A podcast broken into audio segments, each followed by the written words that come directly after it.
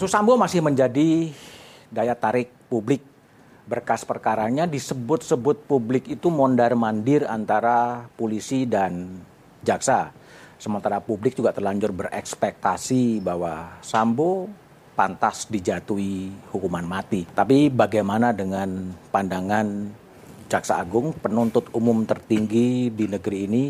Saya telah bersama dengan Jaksa Agung Bapak ST Burhanuddin. Malam Pak Jaksa Agung. Malam. Betul nggak sih Pak Burhan, ya. Pak Jaksa Agung, bahwa kasus Sambo ini mondar mandir polisi jaksa polisi jaksa. Kapan akan berhentinya Pak? Sebenarnya tidak benar kalau mondar mandir. Artinya kalau mondar mandir itu beberapa kali beberapa kali pulang okay. diserahkan polisi balik lagi. Hmm. Tidak, cuma satu kali. Cuma satu, satu kali. Cuma satu kali.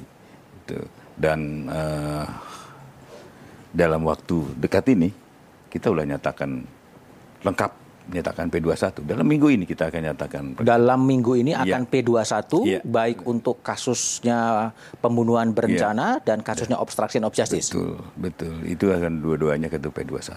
Jadi baliknya hanya sekali. Sekali. Bahkan nah. untuk uh, perkaranya Hendra itu malah langsung kita Hendra Brigjen Hendra iya, Kurniawan ya, ya, yang ya, obstruction of justice. Yes, betul. Itu sudah? Itu sudah satu. Udah, udah tidak berulang-ulang nih. Oh, tidak berulang-ulang. Dikatakan lengkap. Oke, jadi Hendra itu sudah P21? Eh, belum P21, tapi di dalam kami itu sudah, sudah tinggal selesai. membuat P21. Tinggal membuat P21. Iya. Oke, lalu kemudian kalau pekan ini kemudian kasus ini kita ngomong soal pembunuhan berencana untuk kasus Sambo ya. Iya.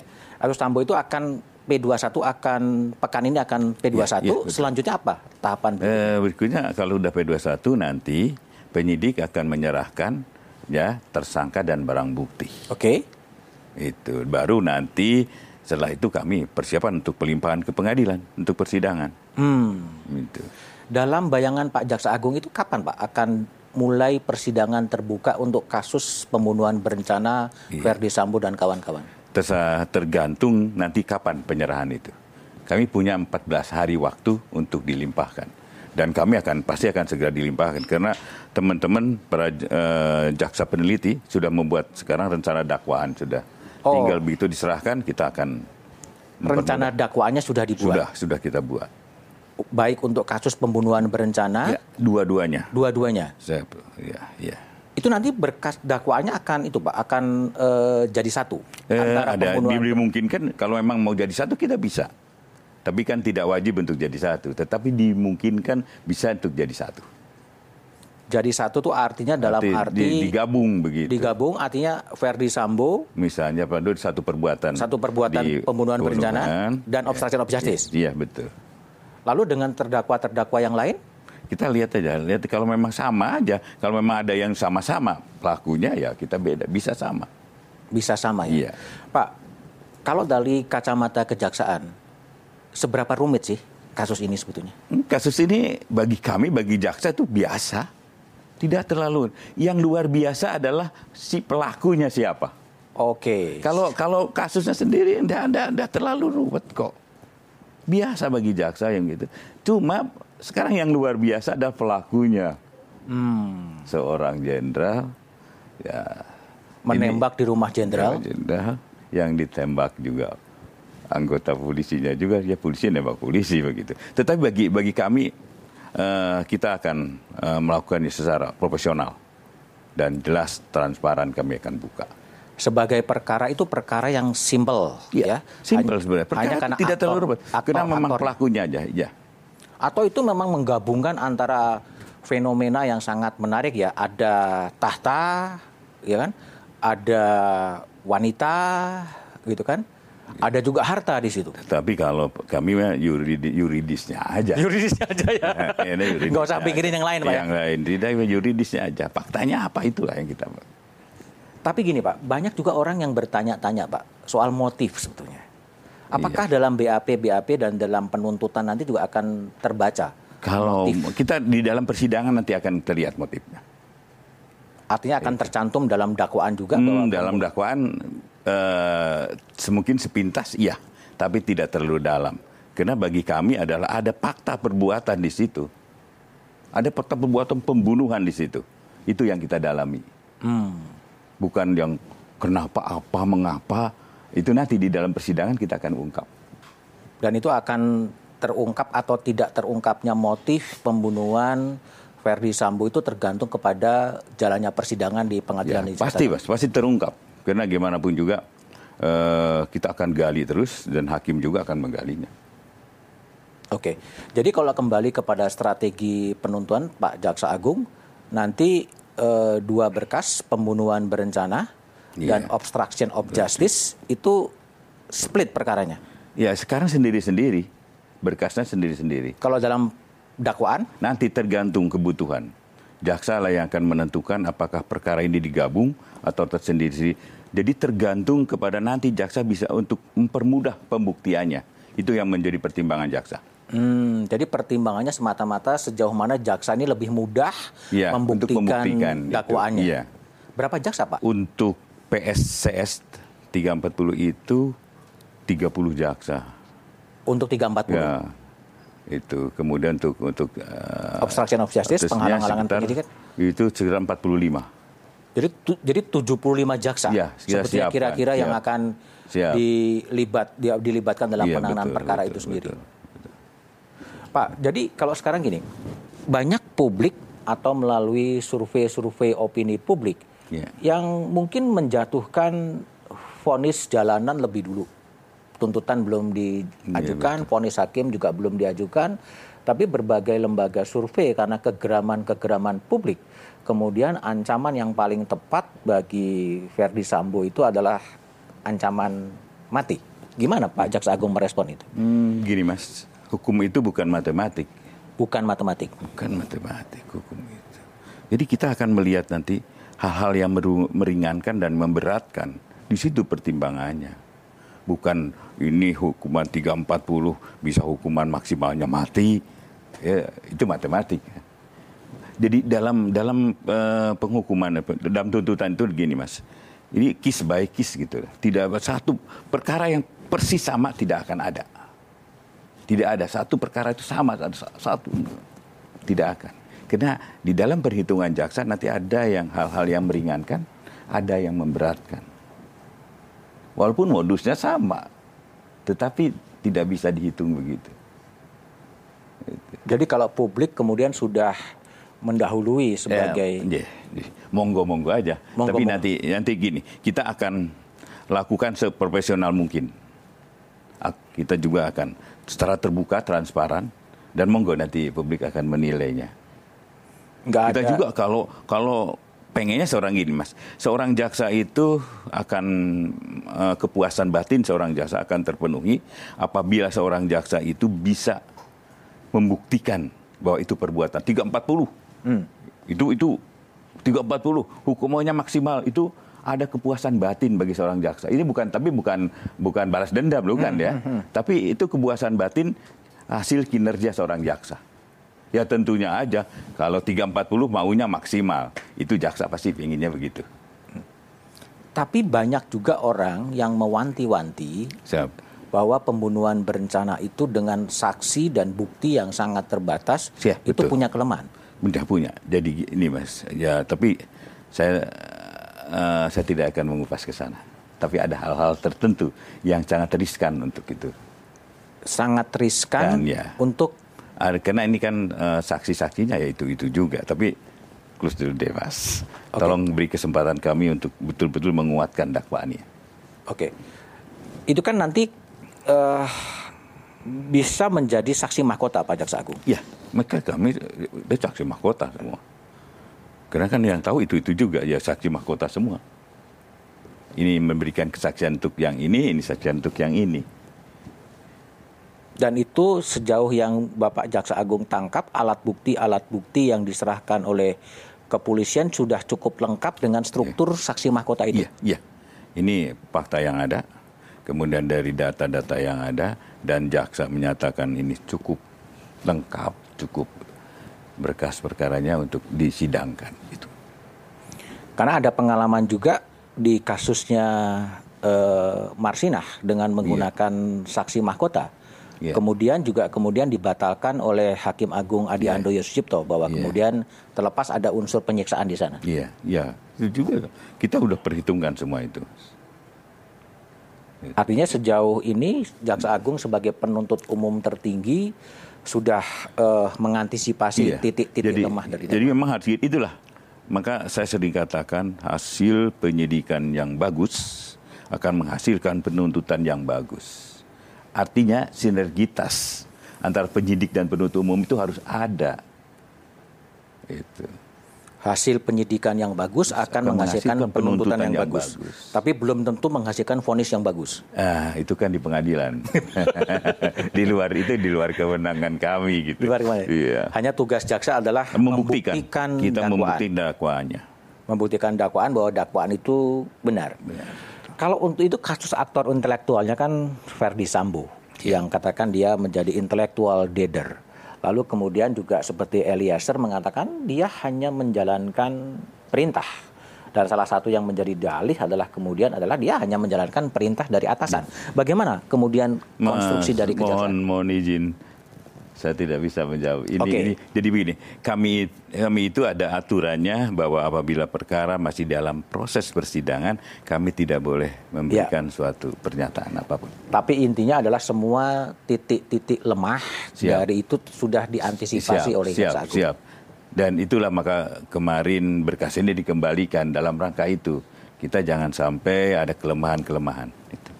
Tapi dulu apa sih Pak yang dikembalikan itu sebetulnya? Ada beberapa gini, eh, satu berkas itu ada ada eh, syarat formil, ada syarat material. Oke. Nah, kalau semuanya syarat dua syarat ini sudah terpenuhi kan kita P21 kan pasti. Dan ini sudah P21, syarat formil, material sudah terpenuhi.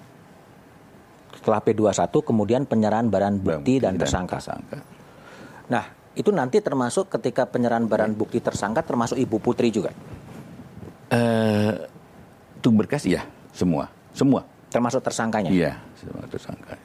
Nah, terhadap juga kritik publik bahwa ada eh, perlakuan diskriminatif terhadap Verdi Sambo dan Putri ketika Putri kemudian eh, dibiarkan tidak ditahan sementara tersangka-tersangka lain ditahan. Ya. Apakah Jaksa Agung akan menggunakan kewenangan untuk itu? Eh, jadi kita akan lihat kepentingannya untuk pendidikan, kepentingannya untuk persidangan. Itu ke sana. Kita akan melihat apakah ibu itu perlu ditahan atau tidak.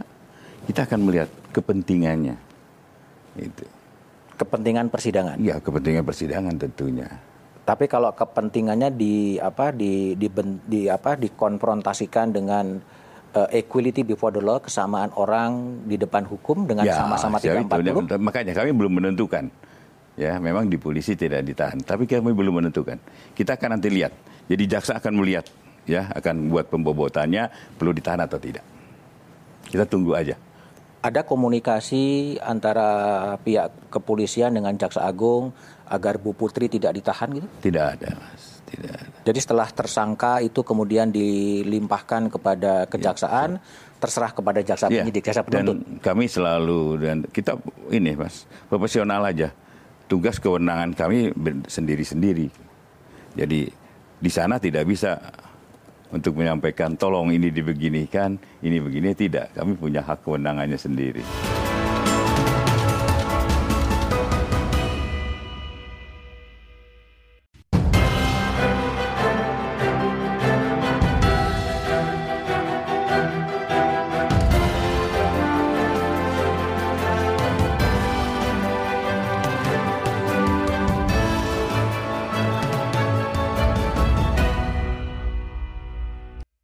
Banyak orang yang menduga bahwa eh, Verdi Sambo adalah orang yang sangat berkuasa yang bisa menggunakan semua kekuatan-kekuatan yang ada untuk mempengaruhi. Apakah juga ada pendekatan-pendekatan kepada pihak jaksa penuntut umum? Tidak ada, saya jamin tidak ada. Saya selalu katakan kepada teman-teman, saya itu butuh jaksa yang pinter tapi berintegritas. Dan kita buktikan di dalam pelaksanaan-pelaksanaan kerja. Dan sampai saat ini, insya Allah, anak-anak saya masih. Dan tidak ada pendekatan. Dan sampai saya pernah nanya juga, adakah pendekatan? Tidak ada. Kita akan profesional dan eh, mohon nanti dilihat, kita buktikan di persidangan. tidak ada pengamanan-pengamanan khusus terhadap jaksa-jaksa penuntut ketika dia membawa Verdi Sambo ke Pengadilan Negeri Jakarta Selatan?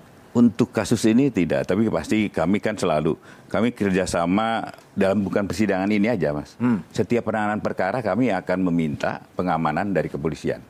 Itu adalah standarnya. Oke, karena juga banyak orang yang kemudian uh, rumor yang beredar di luar bahwa ada hakim-hakim yang kemudian berpandangan kalau bisa tidak menangani, mendingan tidak menangani.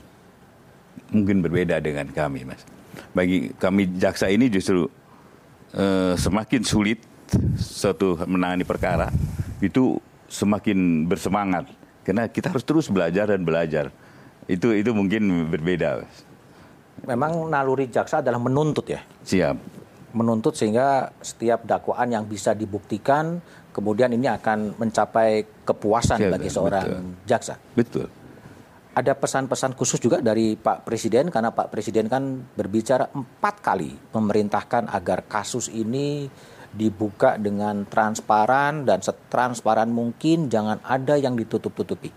Eh, belum ada mas, belum ada. Tapi ya. tentunya ini juga menjadi amanah bagi ya bagi semua Agung, penegak hukum, penegak ya, hukum kan? Iya, semua penegak hukum dan pasti kami akan dari awal juga kami setiap penanganan perkara pasti hal-hal yang demikian kami selalu jaga. Jadi artinya dalam persidangan nanti setelah e, berkas dan tersangka dinyatakan lengkap, persidangan itu akan digelar secara terbuka. Iya terbuka.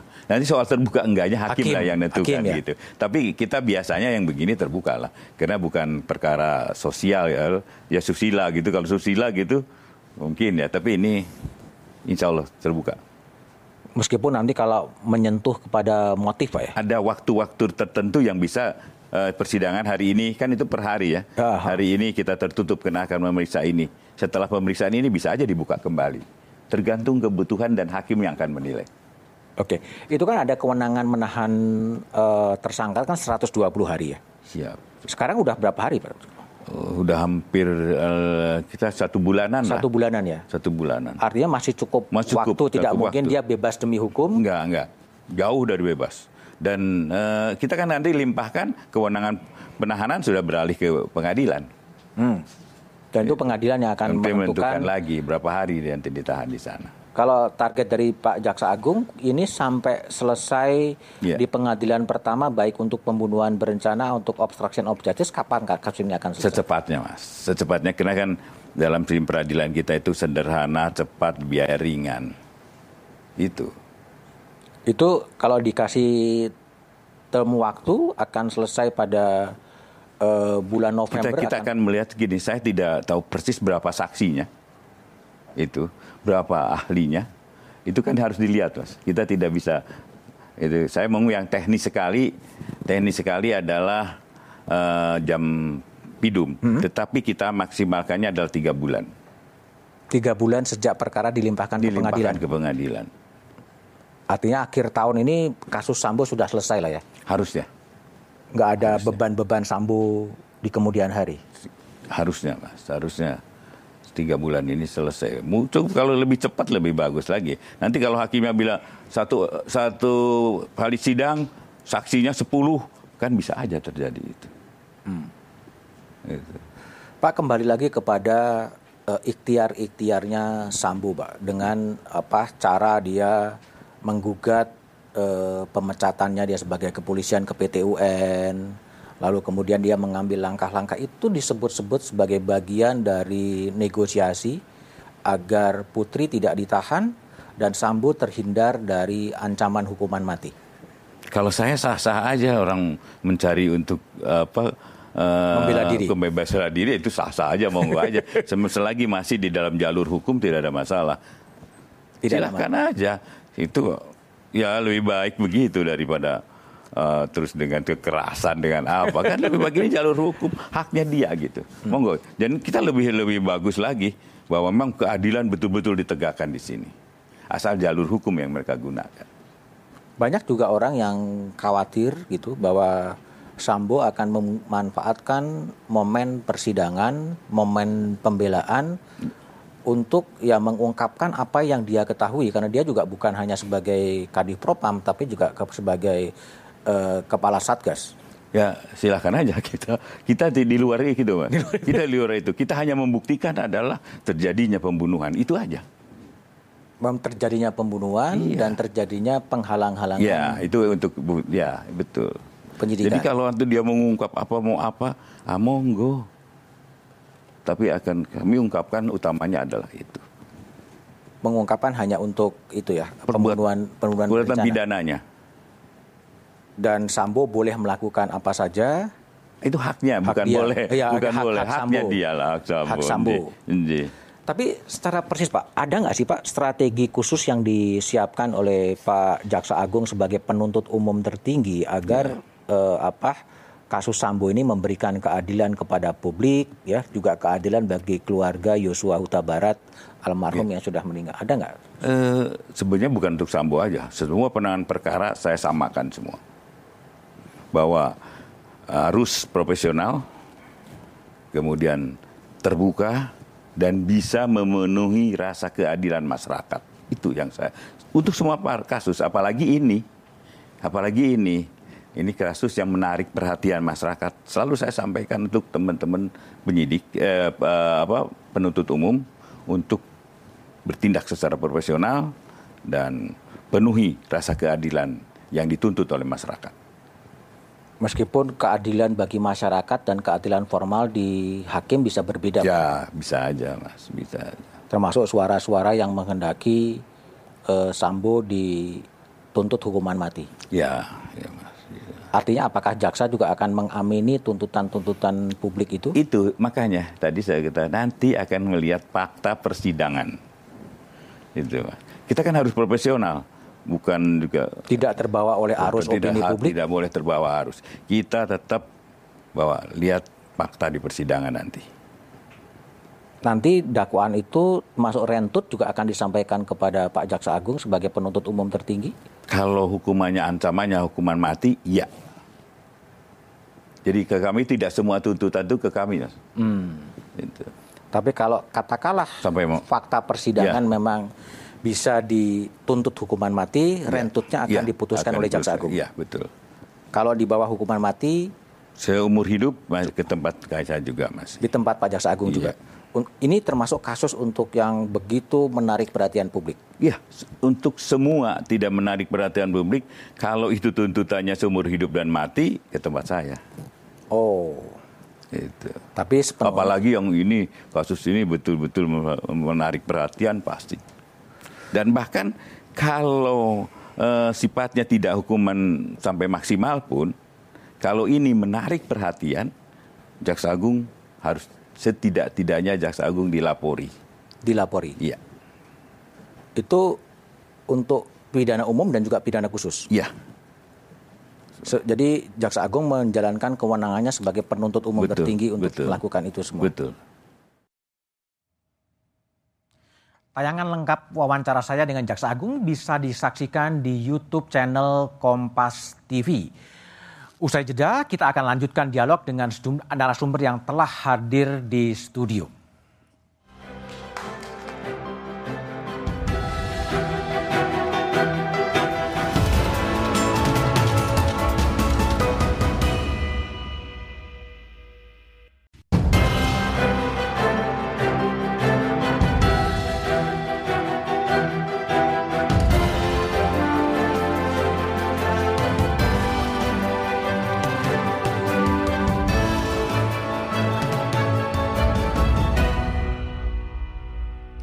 Oke, Prof. Gayus, P21 segera akan ada penyerahan barang bukti dan tersangka. Dan pertanyaan saya adalah, apakah kemudian kejaksaan kemudian akan juga memberikan dakwaan sesuai dengan yang konstruksi yang sudah disampaikan oleh Mabes Polri?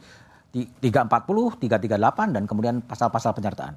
Ya, tadi kalau saya dengar dari keterangan Pak Jaksa Agung kan mengatakan bahwa baiknya dakwaan dan tuntutan itu tergantung penyidikan. baiknya penyidikan. Okay. Kalau kita berlanjut lagi ya betul itu eh, baiknya eh, penuntutan dan dakwaan itu akan menjadi baiknya putusan. Hmm. Itu idealnya seperti itu. Tapi? Tetapi kan memang kekuasaan di wilayah kejaksaan ini merupakan kekuasaan yang terluas hmm. dibanding yang lain, termasuk hakim. Oke. Okay. Kalau saya mengatakan pemilik perkara di pengadilan itu ada jaksa, disebut sebagai dominus litis. Jaksalah pemilik perkara. Artinya? Artinya jaksa ini yang mempunyai perkara. Itu uh, diibaratkan seperti itu dalam teoritik uh, dari doktrin juga begitu. Jaksalah sebenarnya menyajikan perkara ini, kalau baik ya jadi putusan baik, kalau jelek ya tidak baik, ada begitu. Itu jaksa. Perangkat hukum lainnya termasuk uh, hakim sekalipun sangat tergantung dengan uh, kelengkapan. Artinya dakwaan. bolanya ada di jaksa. Untuk proses uh, di pidana itu memang jaksa pegang bola karena apa? jaksalah yang menentukan uh, eh, CPU dalam ini ya umum itu menentukan kejahatan yang dilakukan secara primer tuh ini. Hmm. Nah, dan perkara perkara FS ini adalah uh, pembunuhan berencana. Itu primernya. Artinya akan memungkinkan kemudian tuntutan atau dakwaan mengarah kepada pembunuhan berencana. Kalau disebut seperti ini ya dia harus melengkapi P21 harus lengkap bahwa apa yang di, akan dituduhkan itu sudah dilengkapi oleh penyidik. Kalau tidak akan kembali lagi untuk dilengkapi, disempurnakan. Dan sekarang sudah P21 artinya sudah, sudah P21 artinya pasal 34 ini harus bisa dipertahankan. 340. 340 harus bisa dipertahankan. Apa itu 340 yang bisa dengan hukuman mati misalnya?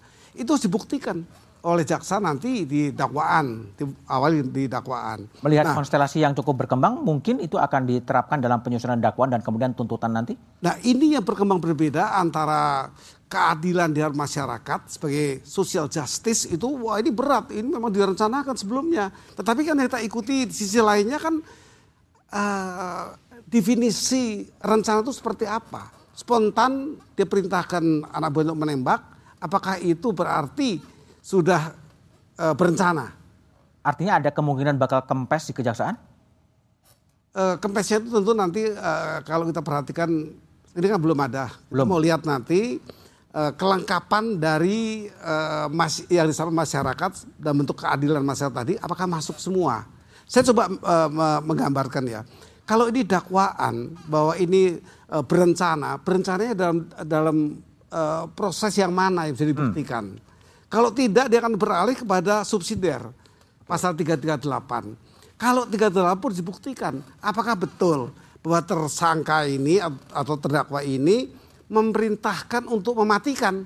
Ini oh, yang menjadi titik lemah yang harus diantisipasi. Kalau ini uh, standarnya bagus, tidak tidak lemah, tidak usah bagus, standar saja. Misalnya jaksa sudah bisa membuktikan bahwa perintah terdakwa itu untuk membunuh. Itu perencanaan. Ya, kalau hanya disebut menembak, apa menembak mati atau menembak tidak mati. Ini kan nanti perlu diperdebatkan. Uh, jaksa sudah menyusun dakwaan dengan kuat ini supaya dia bisa menuntut dengan sempurna, hakim bisa memutus dengan sesuai. Dan itu menjadi beban dan pekerjaan rumah yang harus diselesaikan oleh kejaksaan ya, saya memaklumi, umum ya. Ya, saya mau jaksa ini kalau tidak dengan lengkap karena satu persatu itu harus dibuktikan secara sempurna. Seperti tadi uh, di mana bentuk uh, pembunuhan berencananya? Rencana ya. ini seperti apa jauhnya? apa jarak waktu dari Magelang ke Jakarta itu sudah direncanakan dengan pemerintah. Di mana perencanaannya? Ya, di mana dan apa perencanaannya? Siapa yang yang bisa menyaksikan itu rencana pembunuhan? Setelah meningkat kepada uh, 338 dibuktikan apakah perintah menembak itu menembak mati atau tidak. Ini kan harus dari sekarang kita sudah harus paham itu. Kalau saya mengomentari sidang nanti, ya tentu saya akan memperhatikan perintah menembak itu apa perintah menembak mati atau peringatan hmm. atau apa. Ini harus jaksa siap untuk ini. Hmm. Belum yang lain. Kalau saya bicara kepada obstruction of of uh, obstruction justice? of justice, ini ringan sekali kalau ini pidana umum. Ringan sekali Ringan ya? sekali, okay. 9 bulan hukumannya. Oke. Okay. Lalu kaitannya apa? Mungkin ini maksudnya akan meluas kepada perusakan okay. CCTV yang itu lebih berat. Itu bisa 15 tahun. Apa ke sana jaksa akan menarik nanti? Ini mesti spekulasi kita. Oke, okay, baik. Usman Hamid tadi dalam wawancara saya dengan Jaksa Agung mengatakan bahwa tidak tertutup kemungkinan memang tuntutan itu akan tuntutan mati yang akan diterapkan kepada Sambo. Anda yakin bahwa itu akan diterapkan?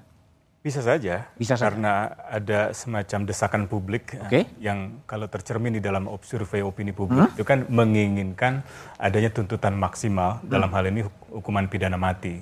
Tentu apakah pada akhirnya jaksa benar-benar akan menggunakan tuntutan maksimal seperti itu? Tergantung dari keseluruhan bukti-bukti yang akan mereka hadirkan. Apa yang Anda khawatirkan? Yang saya khawatirkan sebenarnya tahapan persidangan perkara ini kan sekarang ada beberapa terdakwa. Hmm. Salah satu terdakwa itu adalah justice kolaborator. Oke. Okay. Misalnya Baradae. Hmm. Dalam pandangan saya, kalau meminjam istilah uh, dominus litis, hmm? yaitu jaksa sebagai pengendali perkara, jaksa harus me, me, memprioritaskan terdakwa lainnya sebelum menyidangkan justice kolaborator itu. Dengan kata lain, uh, Baradae hmm? mesti menjadi saksi terlebih dahulu bagi terdakwa-terdakwa lainnya. Misalnya Ferdi Sambo atau Ricky Rizal atau misalnya Kuat atau misalnya PC. Kalau ia diberikan kesempatan terakhir, ia masih sangat mungkin untuk benar-benar konsisten menjadi justice kolaborator. Oke. Okay. Kalau ia di awal itu ia akan berada dalam posisi yang sangat uh, tertekan gitu ya. Nah ini banyak uh, sebenarnya dipraktikkan oleh LPSK, oleh KPK dan dalam perkara-perkara korupsi. Jadi orang-orang yang menjadi justice kolaborator disidangkannya itu terakhir. Terakhir. Itu, terakhir. Itu yang saya harapkan dari Jaksa Agung, dari tim Jaksa Penuntut Umum uh, ketika nanti menyidangkan perkara ini dengan sejumlah terdakwa gitu. Tapi Anda sendiri gimana sih? Ini kan strategi pengajuan saksi nanti kan? Ya. Tapi kalau dalam penanganan perkara secara umum, penanganan kasus pembunuhan Yosua ini Anda lihat apa sebetulnya catatan Anda?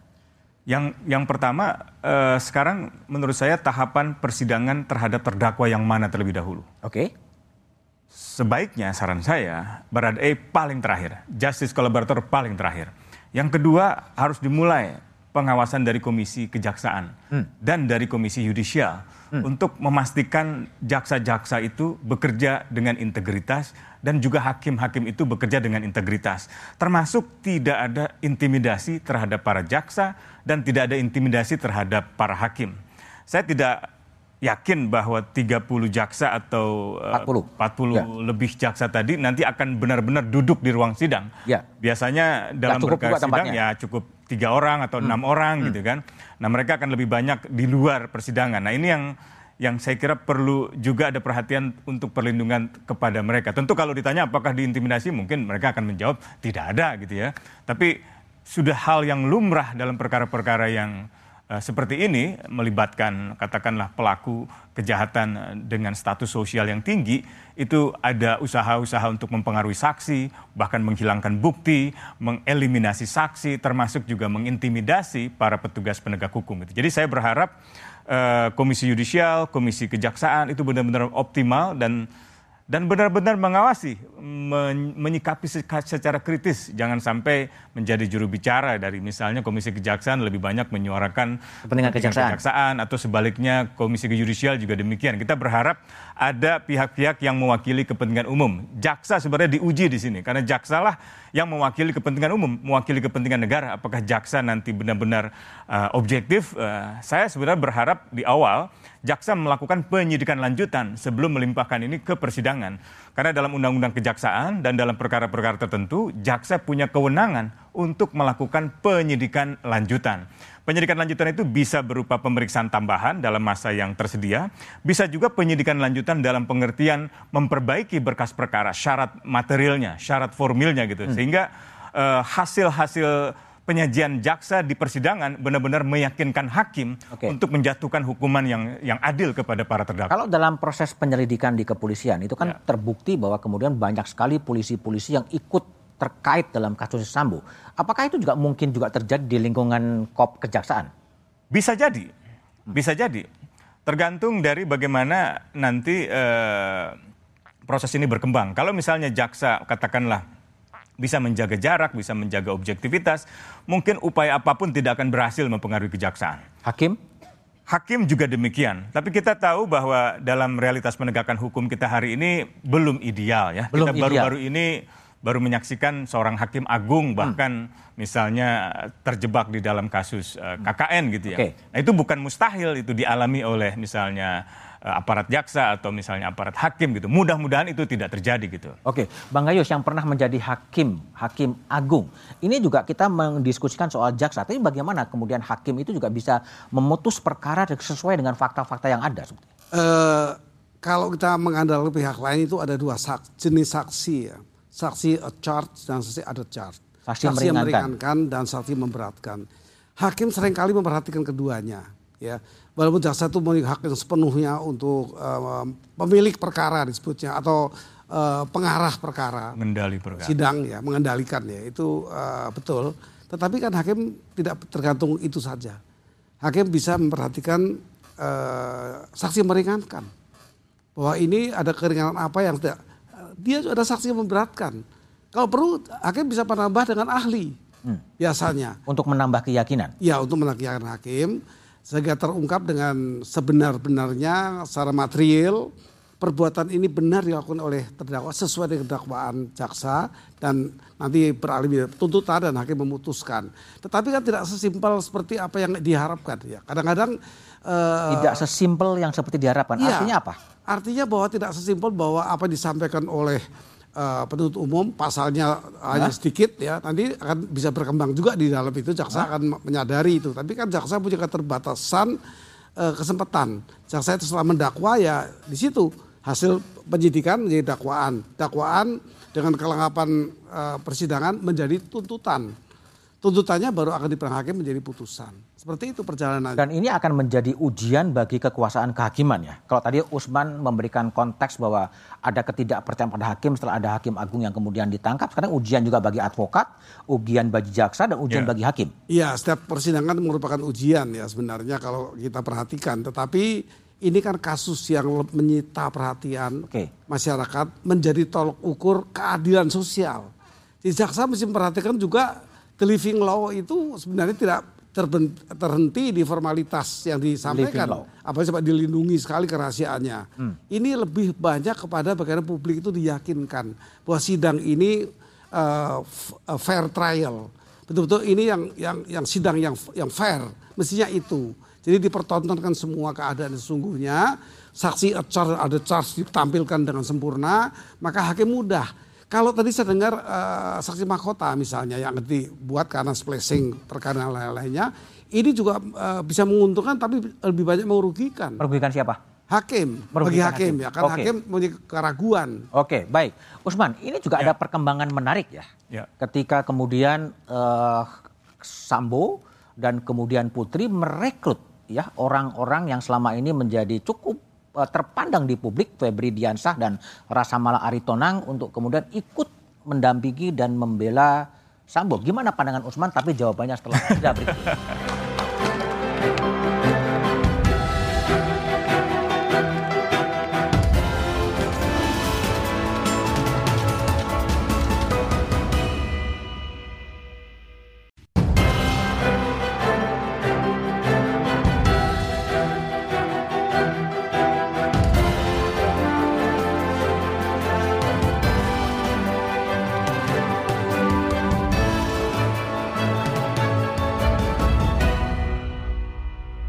Kembali ke Usman Hamid, langkah belakangan muncul dengan merekrut Febri Diansah, mantan juru bicara KPK dan Rasa Mala Aritonang menjadi pengacara baik Putri dan uh, Sambo. Apa yang Anda baca dengan penunjukan pengacara baru ini? Uh, sebenarnya susah menjawab pertanyaan ini. Susah ya. Tapi saya bisa membayangkan bahwa di dalam perkara Sambo ini, apalagi uh, bukan hanya pembunuhan terhadap Joshua, hmm? tetapi juga uh, peran Sambo di dalam Satgas khusus, hmm?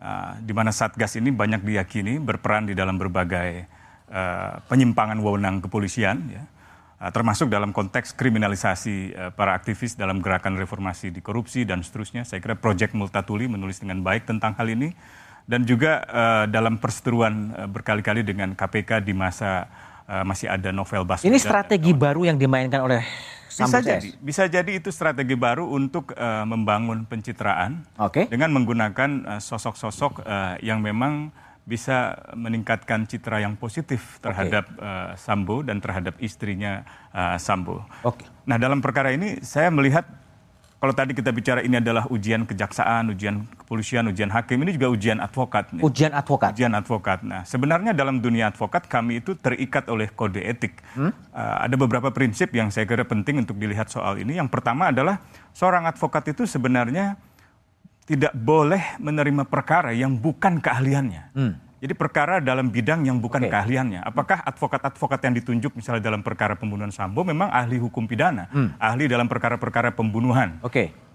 atau ahli dalam bidang pemberantasan korupsi. Okay. Padahal perkaranya bukan korupsi. Nah, yang kedua yang juga sangat penting dalam konteks uh, advokat adalah bahwa seorang advokat itu ketika dia menerima uh, permintaan dari klien untuk me membela sebuah kepentingan hukum, dia harus melihat hati nuraninya. Oke. Okay. Dan kalau hati nuraninya bertabrakan bahwa itu, misalnya saya seorang saya seorang lawyer hak asasi manusia, saya menerima permintaan dari seorang pelanggar hak asasi manusia, maka hati nurani saya bisa jadi dasar saya untuk menolak Oke, perkara baik. semacam Tapi itu. itu. Itu soal advokat. Tapi kalau soal bagaimana kemudian mencegah atau mengawasi agar jaksa tidak main mata dalam kasus penanganan perkara Komisi Kejaksaan harus turun. Komisi 3 itu adalah dua komisi yang sangat penting untuk mengawasi proses persidangan ini agar berjalan efektif. Okay. Termasuk juga komisi judisial. Komisi semuanya harus komisi turun. judisial harus turun, harus dioptimalkan. Okay. Saya kira nanti akan kita lihat seberapa jauh sebenarnya persidangan ini benar-benar berjalan secara okay. transparan, secara objektif dan secara adil bagi semua orang, bagi keluarga korban, bagi juga terdakwa. Oke, Bang Gayus, jadi gimana pandangan Anda soal bagaimana hakim agar bisa mengadili kasus ini dengan transparan dan keadilan masyarakat itu benar bisa terpenuhi? Ya konstruksi dakwaan harus jelas. Hakimnya gimana? Ya hakimnya harus uh, berani, cerdas dan jujur. Hmm. Artinya uh, hakim tidak pernah harus boleh takut menghadapi semua kemungkinan ya. Tapi saya akan menyoroti sedikit mengenai advokat.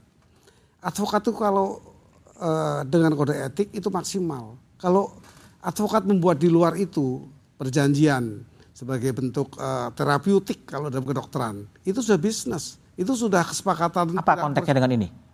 Ini kalau dari seperti itu berarti kan dia tidak bebas. Pengacara terikat dengan perjanjian tadi. Perjanjian itu, apa? ya inform consent namanya. Perjanjian itu MOU semacam itu. Oh. jadi ini kan ciri-ciri yang tidak profesional advokat seperti idealnya advokat. Ini sudah memperjanjikan sebuah okay. uh, kesepakatan yang kalau, sifatnya kalau terakhir publik harus ngapain untuk mengawasi ini semua? Oh, publik, publik itu di pandangan saya kalau kasus begini diwakili oleh pers. Okay. Pers itu suara publik sebenarnya, hmm? menyuarakan terus. Okay. Apa yang dilihat di sidang pengadilan, apa dilihat dakwaan ini apakah cukup kuat apa tidak memenuhi semua keinginan publik terhadap keadilan publik. Tapi minimal mengawasi itu semua. Mengawasi dan menyuarakan. Oke, baik Prof Gayus, Bang Usman terima kasih telah bergabung di satu meja The Forum. Pengadilan adalah ruang paling beradab guna menentukan kesalahan Verdi Sambo dan kawan-kawan. Peradilan juga ruang bagi Verdi Sambo dan kawan-kawan untuk membela diri. Namun publik juga tetap perlu memantau agar kekuasaan kehakiman tetap merdeka dan tidak dipengaruhi kekuasaan apa pun. Demikian satu meja di Forum ini. Sampai jumpa pekan depan. Selamat malam dan terima kasih.